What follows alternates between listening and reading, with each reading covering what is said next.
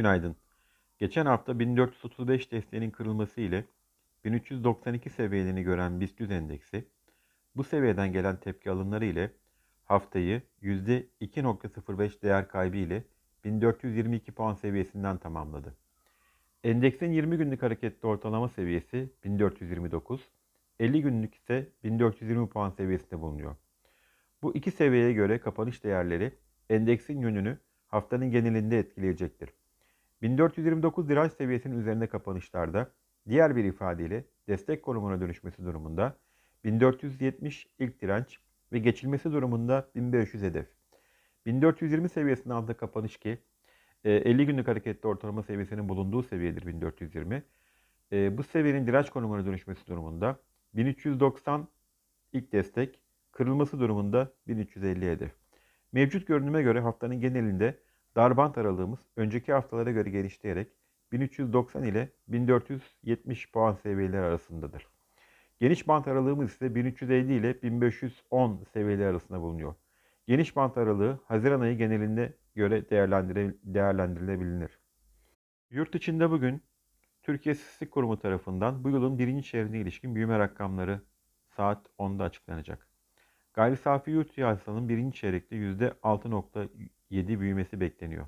Bizim beklentimiz ise %7.5. Türkiye ekonomisi geçen yıl %1.8, son çeyrekte ise %5.9 büyümüştü. Ticaret Bakanlığı tarafından çarşamba günü Mayıs ayına ilişkin geçici dış ticaret verileri açıklanacak. Perşembe günü ise TÜİK tarafından enflasyon rakamları açıklanacak. İngiltere ve ABD piyasaları bugün tatil nedeniyle kapalı. Amerika'da Cuma günü açıklanan çekirdek kişisel tüketim giderleri fiyat endeksi, Nisan ayında %3.1'lik artışla %2.9'luk beklentilerin üzerinde gerçekleşti. Mart verisi ise %1.8'den %1.9'a revize edildi. Kişisel gelirler Nisan'da aylık %13.1 azalırken kişisel tüketim harcamaları %0.5 arttı. ABD'de borsa endeksleri Cuma günü yeteye yakın pozitif bir seviyede kapanış gösterdi.